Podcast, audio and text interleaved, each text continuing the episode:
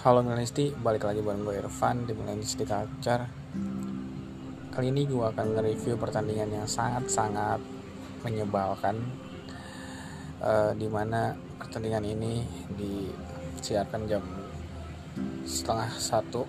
Lumayan agak pagi ya.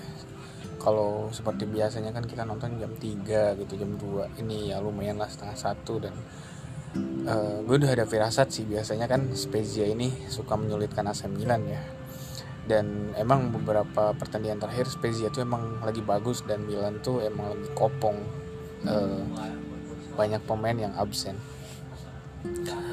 Uh, Stefano Pioli menurunkan duet baru di lini tengah ada Bakayoko dan Raden Krunic dan ya di luar ekspektasi mereka main bagus di babak pertama gitu ada uh, dan kerjasama yang saling melengkapi di mana Kronis yang lebih maju dan Bakayoko yang ada di belakang uh, menjadi jangkar sebelum uh, empat back ya.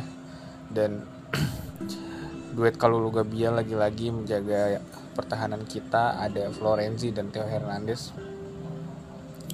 Uh, di babak pertama kita banyak banget peluang dari Ibra dari Leo dari Selemakers tapi ya nggak ada yang jadi gol sampai Theo Hernandez uh, dapat penalti setelah pelanggaran yang dilakukan oleh kiper uh, Spezia. Dan ternyata uh, Theo Hernandez malah gagal untuk menyelesaikan tugasnya dengan baik alhasil kita gagal memimpin. Lalu kemudian uh, ada serangan balik cepat uh, direct ball dari si Rade Krunic yang memberikan umpan kepada Rafael Leo dan akhirnya gol.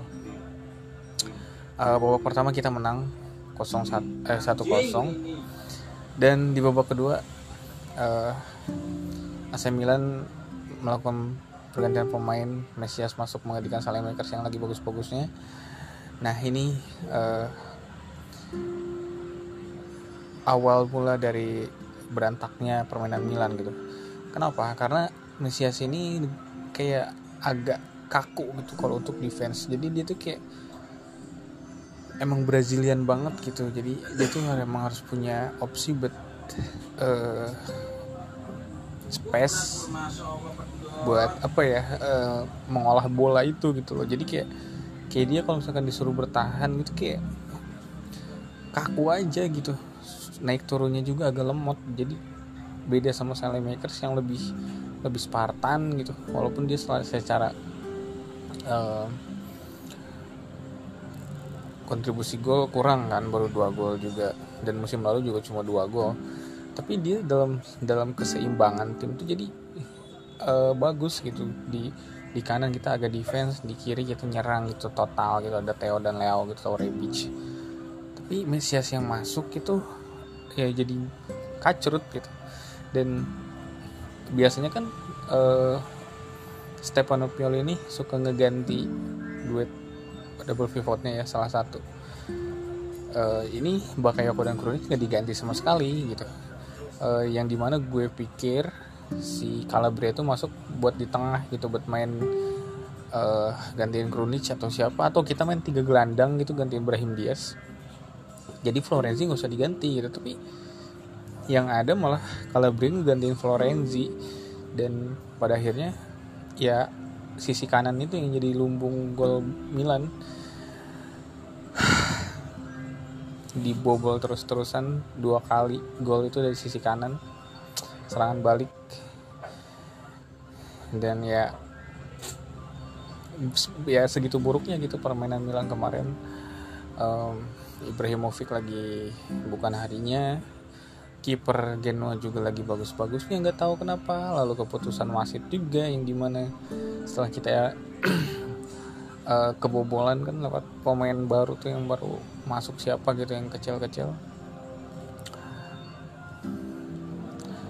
Um, AC Milan.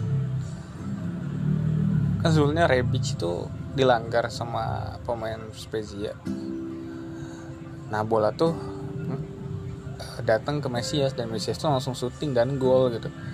Tapi si wasit tuh malah bilang pelanggaran katanya padahal ya kalau misalkan emang udah uh, kayak gitu ketika kita tim kita tuh dapat pelanggaran tapi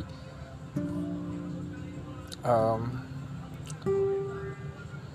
si bolanya itu kena juga ke teman kita harusnya ya masih tetap play on gitu. Tapi ini malah dikatain pelanggaran dan habis itu dia ngelakuin serangan balik dan akhirnya gol kebobolan. Karena di sisi kiri kosong Theo udah nggak tahu lagi di mana. Dan ya wasit pun katanya menyesali dan meminta maaf juga federasi eh, asosiasi wasitnya. Dan tapi kan ya nggak bisa eh, mengembalikan poin yang hilang gitu tapi ada berita kalau pemain Milan tuh pada datang buat menghibur si wasit di ruang ganti. It's okay. Ini itu sebuah kedewasaan. Dan sekarang kita saatnya fokus ke pertandingan selanjutnya Juve dan Inter. Dan ya mari kita lihat apa yang akan dilakukan oleh manajemen di sisa waktu bursa transfer kali ini gitu. Apakah mau puas dengan skor yang seperti ini atau ya seperti apa gitu pergerakannya ya nggak apa-apa sih maksudnya. Kita gagal ngegeser um, Inter di pekan ini. Toh Inter juga masih punya satu pertandingan sisa dan ya kalau misalkan mereka menang berarti kan uh, Inter 5 poin jaraknya sama kita gitu. Nggak terlalu jauh lah gitu untuk untuk mengejar Scudetto kalaupun iya. Dan menurut gue empat besar pun tahun ini kayaknya masih cukup gitu. Karena ngelihat bursa transfer Milan juga yang kayak ogah-ogahan datang pemain juga yang kayak serabutan gitu yang nggak kepake di tim lain didatangin gitu gitulah kayak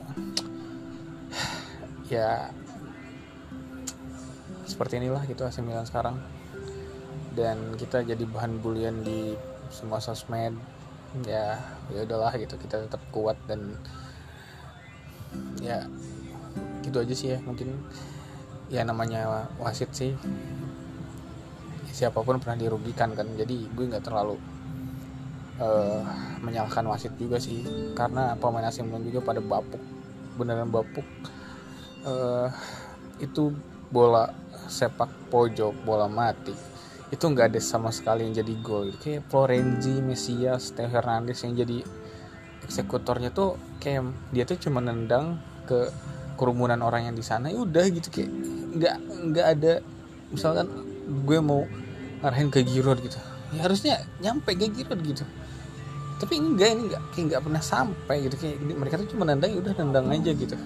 Dan di momen kayak gini tuh kita kehilangan banget ya tonali gitu yang sedikit lebih baik gitu.